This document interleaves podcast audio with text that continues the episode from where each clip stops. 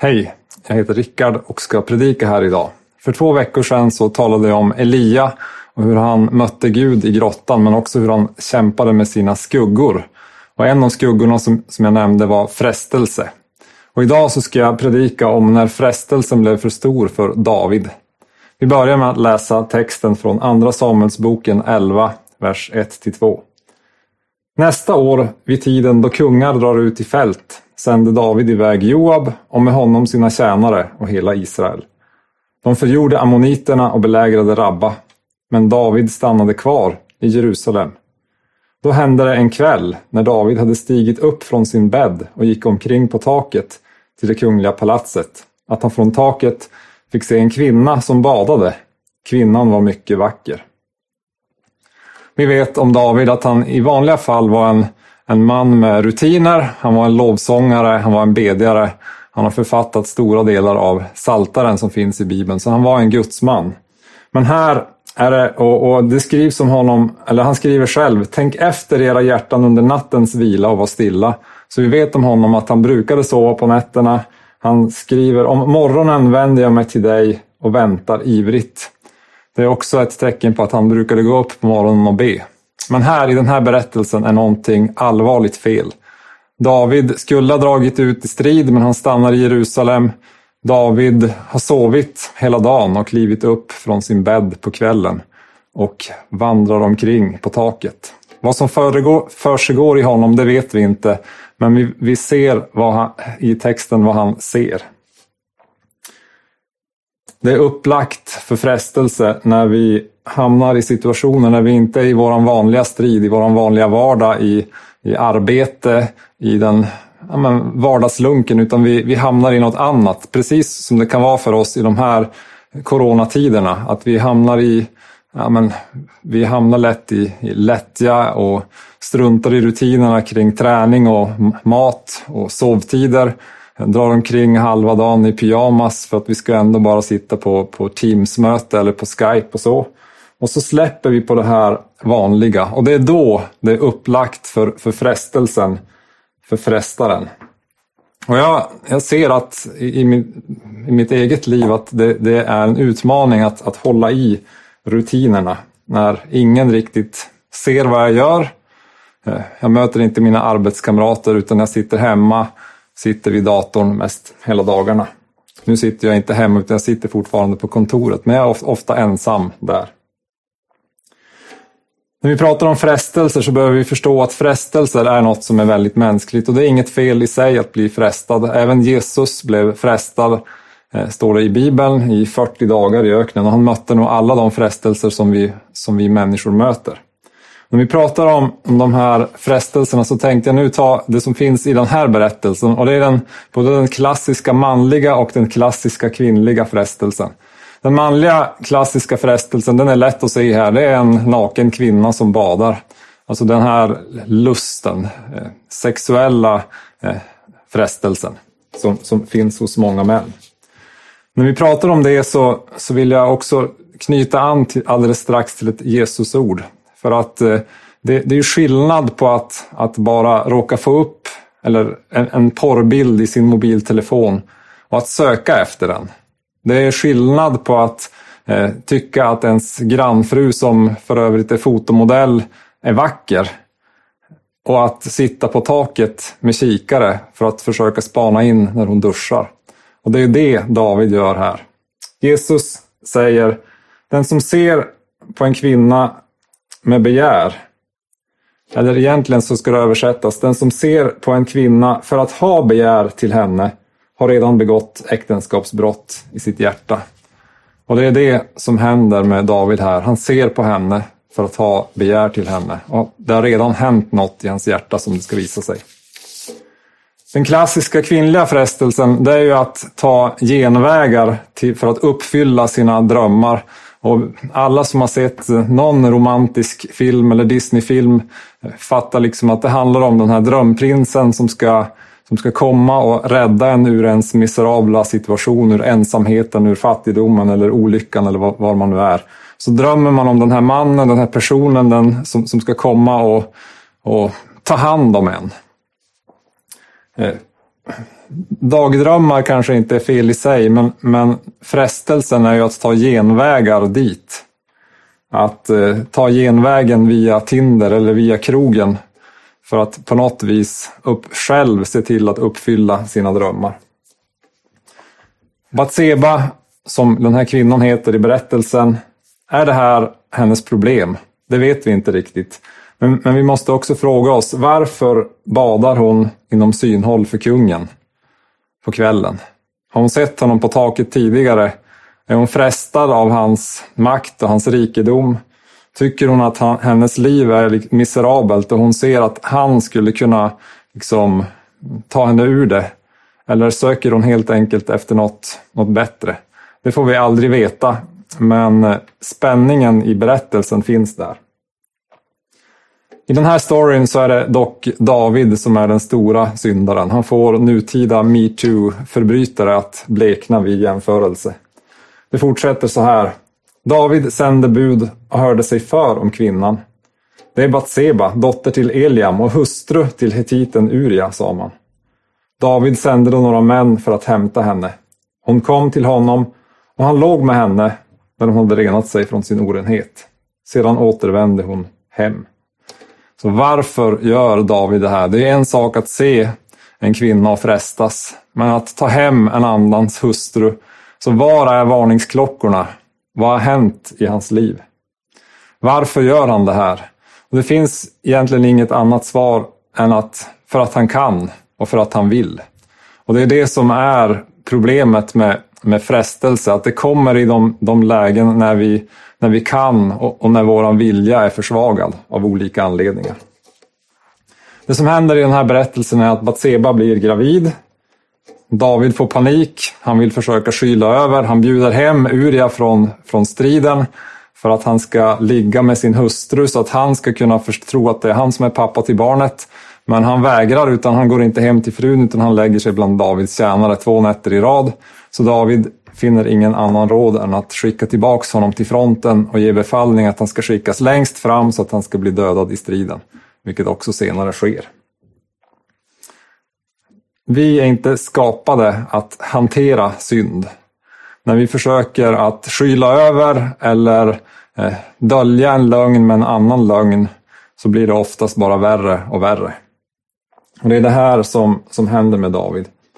Här behöver jag tala också om begreppet synd. I Bibelns begreppsvärld så är synd att missa målet. Jesus pratar om att det finns två vägar för oss att gå. Den smala vägen som leder till livet eller den breda vägen som leder till fördärvet. Och synd, det är att slå in, att lyssna på frestelsen och slå in på den breda vägen och hamna i fördärv på ett eller annat sätt.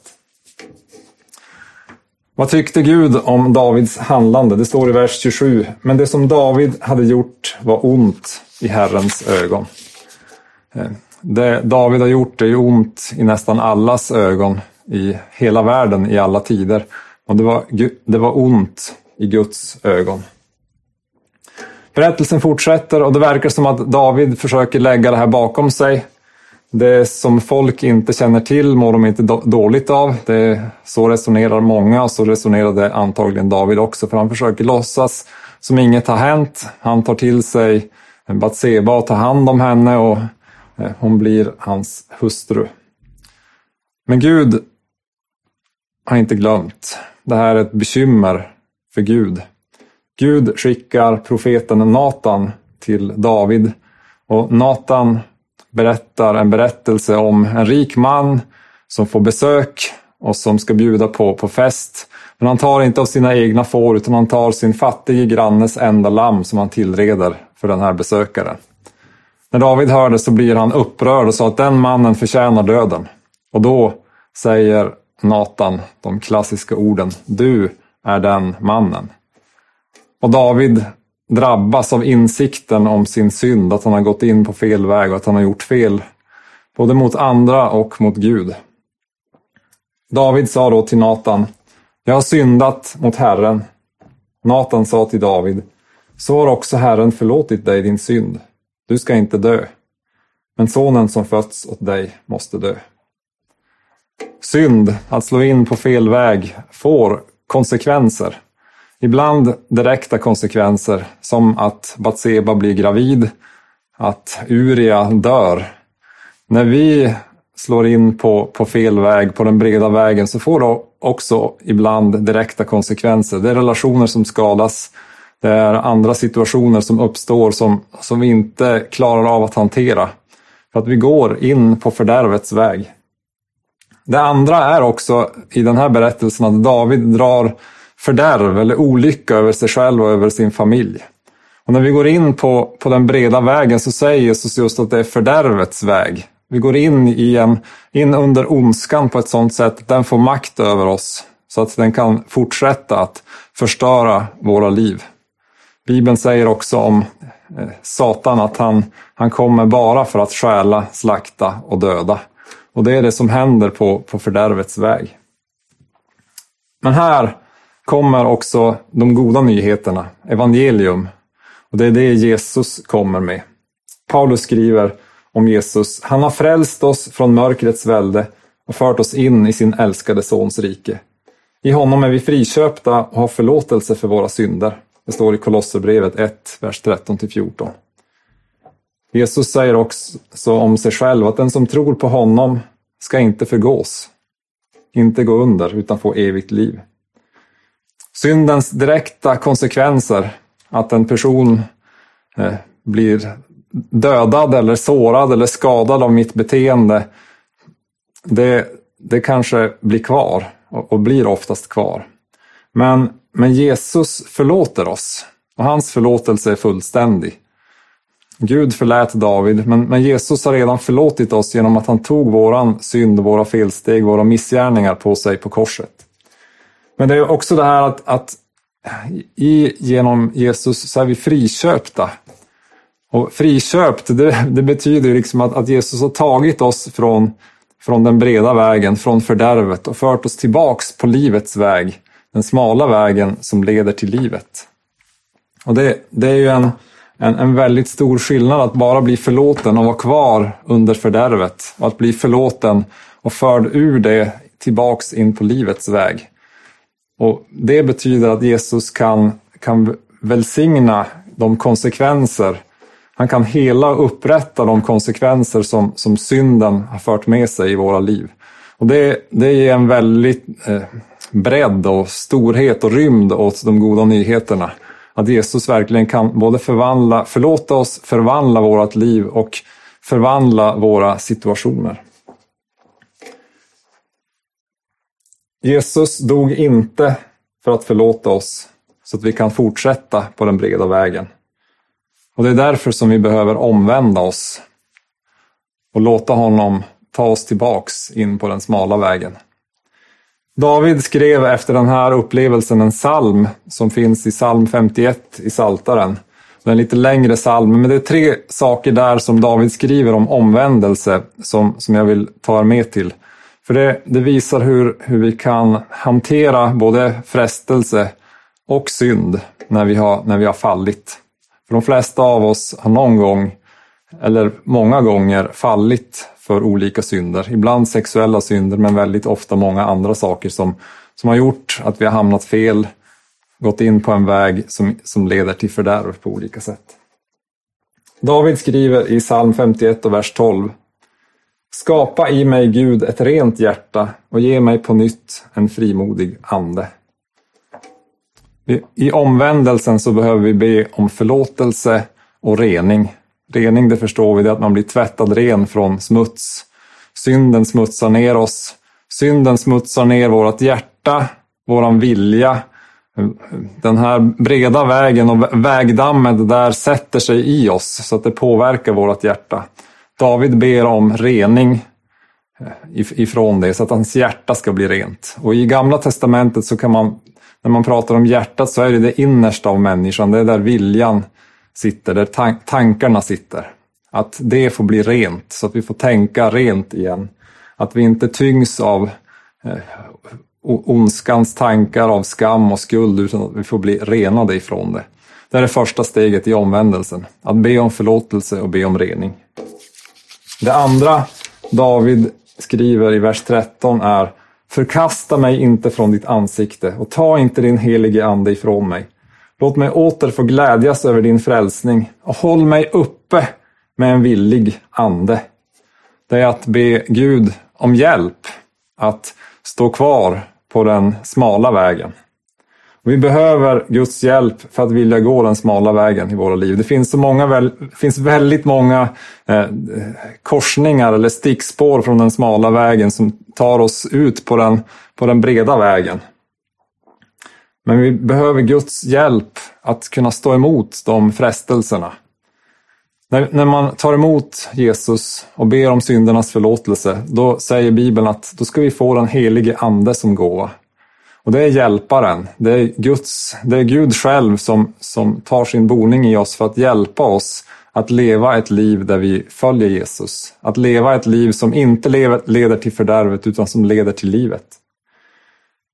Med hans hjälp och med hans närvaro så har vi möjlighet att kunna gå den smala vägen och stå emot frestelserna. Men också resa oss upp när vi har, när vi har fallit.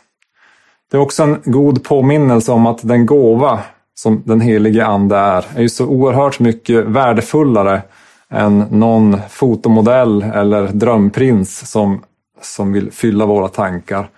Gud själv är den bästa och största gåvan som vi kan ha och den värdefullaste skatten som vi kan ha i våra liv. Det tredje som David skriver är, hittar vi i vers 18 och 19. Slaktoffer gläder dig inte, annars skulle jag ge dig det. Brännoffer vill du inte ha. Det offer Gud vill ha är en förkrossad ande. Ett förkrossat och bedrövat hjärta föraktar du inte Gud. Förkrosselse är ett ord som vi inte använder så, så ofta, men, men det betyder att, att ens vilja böjer sig under Gud, att man blir krossad under någon annans vilja och inte eh, med våld utan att man frivilligt låter sig låter någon annans vilja ta största platsen i ens liv. Och i det här fallet så handlar det om Gud, att förkrossas under Gud. Eh, offren som David talar om här, slaktoffer och, brän och brännoffer, det är den gudstjänst som man, som man gjorde på den här tiden i Israel i templet. Och eh, David inser att han har inte haft sin, sin hjärta i gudstjänsten. Han har bara gjort det av slentrian. Han har, fun, fun, han har gått med och han har varit där, men hans hjärta, hans tankar har varit någon annanstans. Och David inser att ja, men den sortens offer vill inte Gud ha, utan Gud vill ha mitt hjärta. Och Gud vill ha ditt hjärta. Och det är när, när du ger ditt hjärta till Gud, när du underordnar din vilja till, till Gud, till, till Jesus, som han, som han verkligen kan göra skillnad i ditt liv och hjälpa dig. David bad om förlåtelse, han bad om Guds hjälp. Men han inser också att han måste ta sig i kragen och inte vara kvar i den riktning som, som, han, som han har gått. Och det är det som är omvändelsen och det är det vi behöver göra själva, att vi behöver vända om och vända oss till Gud så att den helige Ande kan leda oss på den smala vägen. Gud tvingar ingen att gå på sin väg. Gud låter oss gå på den breda vägen om vi vill det. Men om vi, när vi vill gå på den smala vägen så är Gud där och vill hjälpa oss att gå den. Och Det är den vägen som leder till livet. Min längtan är att kunna gå igenom den här coronakrisen, både själv men tillsammans med oss som församling eh, och bli styrkta av Gud under den här perioden. Jag längtar efter att kunna komma ut på andra sidan av den här coronakrisen och känna mig starkare i min relation med Gud. Inte svagare. Jag vill inte komma ut på andra sidan och känna att oj, jag har fallit för en massa frestelser. Jag tappade bort Gud och alla mina rutiner. Jag har gått tre kilometer på den breda vägen åt fel håll och mitt liv är i kaos. Jag vill komma fram på andra sidan och ha gått på livets väg ledd av anden och uppfylld av Gud och Guds närvaro. Och jag hoppas att du också skulle vilja gå igenom den här coronakrisen med mig och med oss i Korskyrkan på det sättet.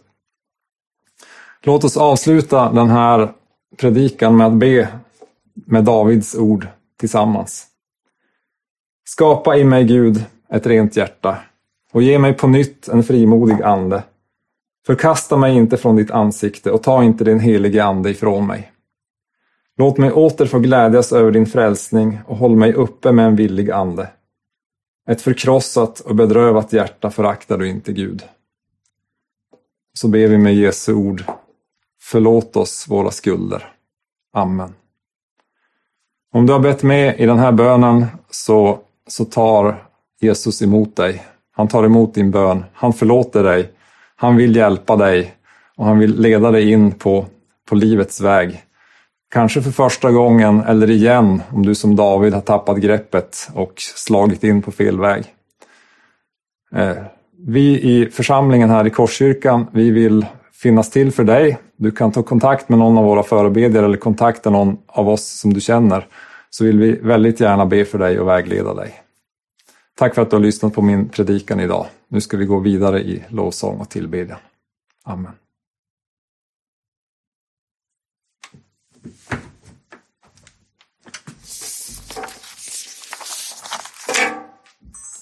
Bra! Funkar det? Jättebra! Ja. Om det inte var coronatider skulle jag ge en high five för det. det är lite...